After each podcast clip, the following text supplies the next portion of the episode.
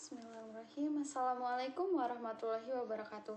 Hai, perkenalkan Nama saya Radia Akila Putri Fauzi Dari kelas 9C Pada podcast IPA kali ini Saya akan menjelaskan tentang Sistem reproduksi pada manusia Atau pembelahan sel. Langsung saja pada materi yang pertama. Materi yang pertama adalah pembelahan sel. Apa sih pembelahan sel? Pembelahan sel adalah proses yang membagi satu sel induk menjadi dua sel anak atau lebih. Selama masih hidup, sel akan terus membuah. Namun, jika usia semakin tua, maka kemampuannya untuk membuah akan semakin kecil. Nah, materi yang kedua adalah tujuan sel membelah. Tujuan sel membelah itu ada tiga loh. Yang pertama pertumbuhan, yang kedua perbaikan, dan yang ketiga adalah proses reproduksi. Kita bahas satu-satu ya. Pertumbuhan itu secara biologi diartikan sebagai proses penambahan ukuran yang tidak bisa balik lagi. Contohnya tinggi badan. Kalau misalkan kita udah tinggi, kita nggak mungkin bisa pendek lagi. Dan yang kedua ada perbaikan. Tubuh manusia juga bisa mengalami kerusakan. Kerusakannya bisa terjadi pada tingkat sel, tingkat jaringan, atau tingkat organ. Contohnya adalah luka. Walaupun kita nggak kasih obat, makin lama akan semakin sembuh karena ada sel-sel yang di dekat luka itu mengalami pembuahan sehingga lukanya bisa ditutup dengan sel-sel tersebut. Dan alasan yang ketiga, yang terakhir itu adalah proses reproduksi atau perkembangbiakan terjadi pada sel-sel kelamin. Bila laki-laki disebutnya sperma, kalau perempuan disebutnya sel telur. Oke, langsung ke materi ketiga yaitu adalah jenis-jenis pembelahan. Apa aja sih jenis-jenis pembelahan sel? Jenis-jenis pembelahan sel itu ada dua. Yang pertama pembelahan mitosis dan yang kedua pembelahan meiosis. Ada dua, pembelahan mitosis dan meiosis. Oke, langsung materi keempat, yaitu adalah perbedaan antara pembelahan mitosis dengan pembelahan meiosis.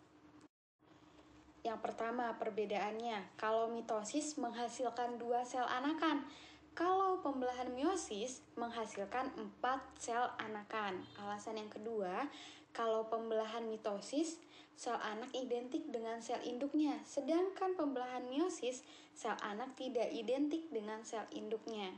Alasan yang ketiga, kromosom anak sama dengan induknya, biasa disebut diploid atau 2N.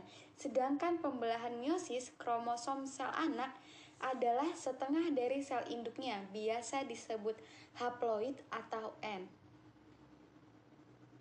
Kromosom itu materi genetik. Dan alasan yang keempat, mitosis terjadi pada sel tubuh dan proses pertumbuhan, perbaikan, dan reproduksi aseksual. Sedangkan pembelahan meiosis terjadi pada sel kelamin dalam proses reproduksi sosial. Oke, kita materi kita yang kelima adalah tahap pembelahan mitosis, yaitu ada empat. Yang pertama adalah profase. Yang terjadi pada profase ini, benang-benang kromatin memadat, memadat membentuk kromosom. Membran inti mulai rusak menjadi bagian-bagian kecil atau fragmen. Sentrosom membelah dan memisah menuju kutub yang berlawanan. Terbentuk gelondong pemisah atau benang spindel.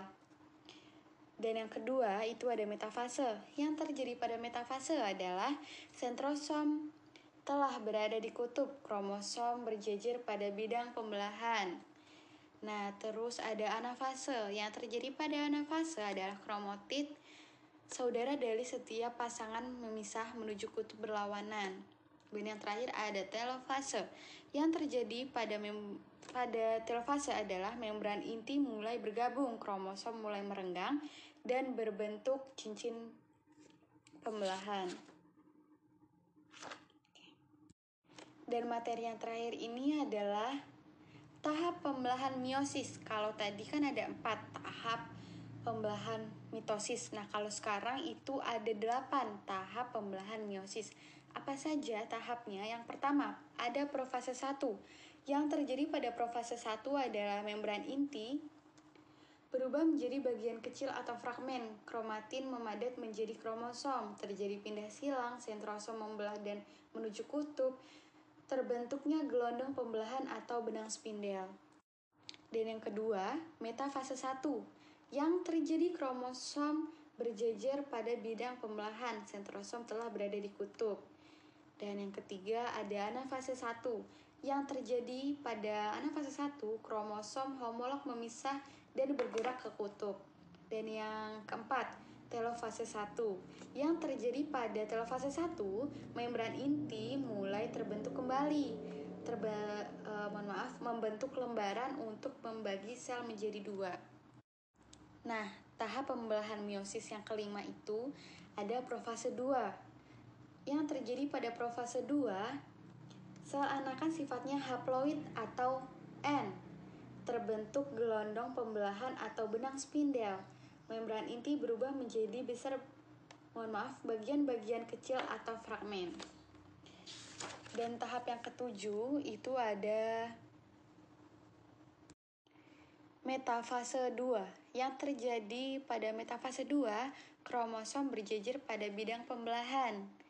Nah alasan yang ketujuh ada anafase 2 yang terjadi pada anafase 2 ini kromatid memisah dan berbentuk kutub. Mohon maaf, bergerak ke kutub. Yang terjadi pada fase 2 ini yang terjadi adalah kromatid memisah dan bergerak ke kutub. Dan tahap yang terakhir adalah telafase 2. Yang terjadi pada telafase 2 adalah sudah membentuk nukleus atau kromatid terurai membentuk kromatin. Jadi, kalau misalkan tahap pembelahan mitosis itu ada empat. Profase, metafase, anafase, dan telofase. Sedangkan tahap pembelahan meiosis itu ada delapan. Profase 1, metafase 2, anafase 1, mohon maaf, profase 1, metafase 1, anafase 1, telofase 1. Dan profase 2, metafase 2, anafase 2, dan telofase 2. Alhamdulillah Rabbil Alamin. Saya akhiri tentang sistem reproduksi pada manusia atau pembelahan sel pada tugas IPA hari ini. Terima kasih. Wassalamualaikum warahmatullahi wabarakatuh. Bismillahirrahmanirrahim. Assalamualaikum warahmatullahi wabarakatuh. Perkenalkan nama saya Radia Akila Putri Fauzi dari kelas 9C.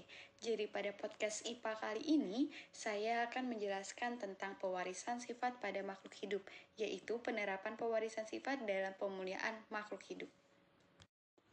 Sudah lama manusia memanfaatkan pengetahuannya terkait dengan genetika di bidang pertanian. Salah satunya yaitu dalam penyiapan bibit unggul melalui pembuatan varietas hibrida. Varietas hibrida merupakan suatu jenis tanaman yang merupakan keturunan dari persilangan antara dua atau lebih jenis tanaman yang memiliki ciri-ciri genetik yang berbeda. Persilangan ini berdasarkan penemuan yang dilakukan Mendel tentang hukum pewarisan sifat. Varietas hibrida dibuat untuk mengambil manfaat dari munculnya kombinasi yang baik dari induk-induk yang disilangkan. Padi hibrida dapat menghasilkan pertama, beras 30% lebih banyak daripada padi pada umumnya. Yang kedua, lebih tahan terhadap lahan yang kering. Ketiga, lebih pulen. Keempat, lebih wangi. Dan kelima, lebih cepat dipanen. Contohnya yaitu varietas sembada, woi apo, intani, beras prima, IR64, Arize PPH varietas IPB 4S. Keunggulannya, yang pertama, dipanen setelah le, kurang lebih 112 hari penanaman. Kedua, memiliki tekstur yang pulen. Ketiga, tahap terhadap, mohon maaf, tahan terhadap hama tungro. Dan yang keempat, mampu menghasilkan hasil panen sebesar 10,5 ton per hektar. Selain padi, juga ada jagung hibrida, misalnya Himbrida C1, Himbrida C1 dan C2, Himbrida IPB 4, Priomer P32, Malin Metro, Veritas Bima. Jagung varietas Bima 14 Batara merupakan jagung hibrida unggul yang dihasilkan Balai Penelitian tanaman Seralia melalui persilangan. Keunggulannya dapat dipanen sekitar kurang lebih 95 hari setelah penanaman. Memiliki tinggi kurang lebih 199 cm. Perakaran kuat tidak mudah roboh. Penampilan tokoh dan seragam. Bentuk biji seperti mutiara berwarna kuning, tidak mudah busuk, cocok digunakan sebagai pakan ternak, sapi, dan domba. Contoh lain varietas tanaman hibrida, lili hibridra, lemon mayer, berasal dari persilangan pohon lemon dan pohon jeruk mandarin. Keunggulannya lebih manis daripada lemon. Lalu ada toy berry, berasal dari persilangan raspberry dan blackberry. Keunggulannya memiliki rasa yang lebih manis. Lalu ada rangilo, persilangan dari buah jeruk dan buah jeruk keprok. Keunggulannya aroma sangat nikmat dan mudah dikupas. Dan juga ada blood lime, persilangan dari jeruk mandarin dengan jeruk merah. Keunggulan rasa lebih manis dan lebih segar. Dan yang terakhir ada kelapa hibrida, persilangan dari jenis kelapa dalam dengan kelapa gajah keunggulannya lebih cepat berubah, mohon maaf, berbuah dan menghasilkan buah yang banyak. Pewarisan sifat dalam pemuliaan hewan. Pewarisan sifat berperan penting dalam pemuliaan hewan untuk menghasilkan hewan ternak berkualitas tinggi. Misalnya, unggas yang mampu menghasilkan telur atau sapi dengan kualitas susu dan daging yang baik. Tahu ayam potong atau ayam boiler yang sering kita konsumsi kan? Nah, ternyata ayam potong atau ayam boiler merupakan hasil persilangan beberapa jenis ayam loh. Ayam boiler dapat dikelompokkan berdasarkan asal daerahnya, antara lain, antara lain Amerika, Mediatena, Inggris, dan peta benua Asia. Contoh ayam boiler dari Asia, ayam Brahma dari India, yang kedua ayam Konis dari Inggris, dan yang ketiga jenis Plymouth Rock dari Amerika. Teman-teman pasti tahu dengan istilah tes DNA dong ya.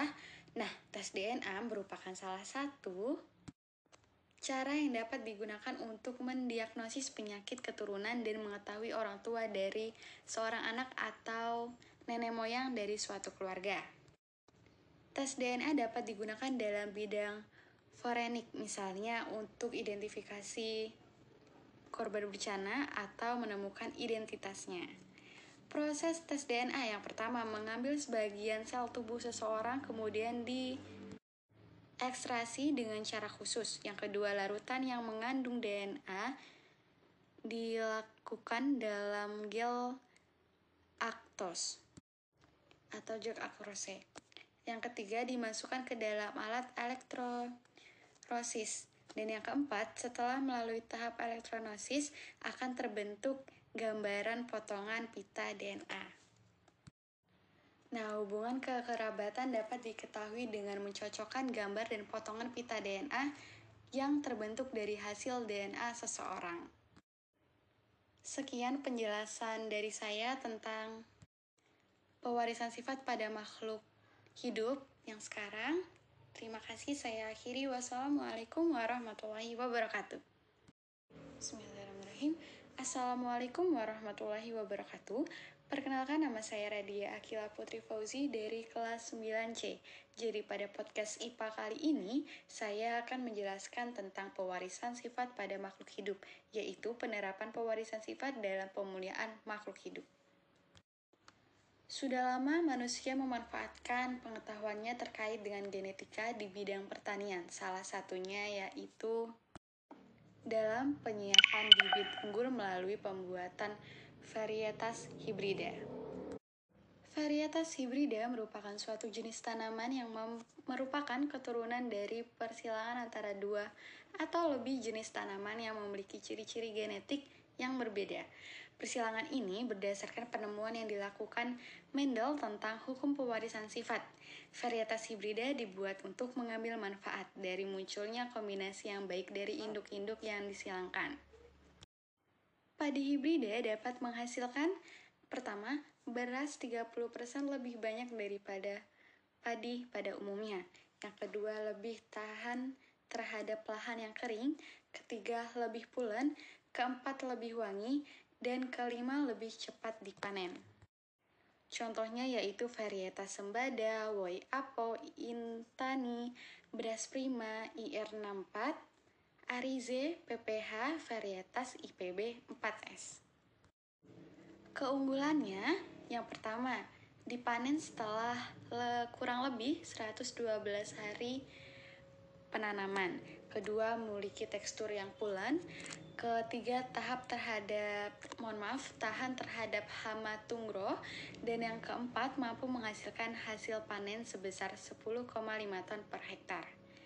Selain padi, juga ada jagung hibrida, misalnya Himbrida C1, Himbrida C1 dan C2, Himbrida IPB 4, Priomer P32, Malin Metro, Veritas Bima. Jagung varietas Bima 14 Batara merupakan jagung hibrida unggul yang dihasilkan Balai Penelitian Tanaman Seralia melalui persilangan. Keunggulannya dapat dipanen sekitar kurang lebih 95 hari setelah penanaman. Memiliki tinggi kurang lebih 199 cm.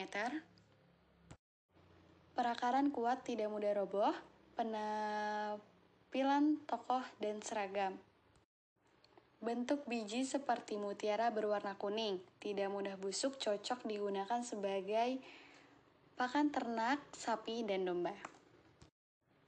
Contoh lain varietas tanaman hibrida, lili hibrida, lemon mayer, berasal dari persilangan pohon lemon dan pohon jeruk mandarin. Keunggulannya lebih manis daripada lemon. Lalu ada toyberry, berasal dari persilangan raspberry dan blackberry. Keunggulannya memiliki rasa yang lebih manis. Lalu ada rangilo, persilangan dari buah jeruk dan buah jeruk keprok. Keunggulannya aroma sangat nikmat dan mudah dikupas. Dan juga ada blood lime, persilangan dari jeruk mandarin dengan jeruk merah. Keunggulan rasa lebih manis dan lebih segar. Dan yang terakhir ada kelapa hibrida, persilangan dari jenis kelapa dalam dengan kelapa gajah keunggulannya lebih cepat berubah, mohon maaf, berbuah dan menghasilkan buah yang banyak. Pewarisan sifat dalam pemuliaan hewan. Pewarisan sifat berperan penting dalam pemuliaan hewan untuk menghasilkan hewan ternak berkualitas tinggi. Misalnya, unggas yang mampu menghasilkan telur atau sapi dengan kualitas susu dan daging yang baik. Tahu ayam potong atau ayam boiler yang sering kita konsumsi kan? Nah, ternyata ayam potong atau ayam boiler merupakan hasil persilangan beberapa jenis ayam loh. Ayam boiler dapat dikelompokkan berdasarkan asal daerahnya, antara lain, antara lain Amerika, Mediatena, Inggris, dan peta benua Asia. Contoh ayam boiler dari Asia, ayam Brahma dari India, yang kedua ayam Konis dari Inggris, dan yang ketiga jenis Plymouth Rock dari Amerika. Teman-teman pasti tahu dengan istilah tes DNA dong ya. Nah, tes DNA merupakan salah satu Cara yang dapat digunakan untuk mendiagnosis penyakit keturunan dan mengetahui orang tua dari seorang anak atau nenek moyang dari suatu keluarga. Tes DNA dapat digunakan dalam bidang forenik, misalnya untuk identifikasi korban bencana atau menemukan identitasnya. Proses tes DNA yang pertama mengambil sebagian sel tubuh seseorang kemudian di ekstrasi dengan cara khusus. Yang kedua, larutan yang mengandung DNA dilakukan dalam gel aktos atau gel akrose. Yang ketiga, dimasukkan ke dalam alat elektrolisis. Dan yang keempat, setelah melalui tahap elektrolisis akan terbentuk gambaran potongan pita DNA. Nah, hubungan kekerabatan dapat diketahui dengan mencocokkan gambar dan potongan pita DNA yang terbentuk dari hasil DNA seseorang. Sekian penjelasan dari saya tentang pewarisan sifat pada makhluk hidup yang sekarang. Terima kasih, saya akhiri. Wassalamualaikum warahmatullahi wabarakatuh.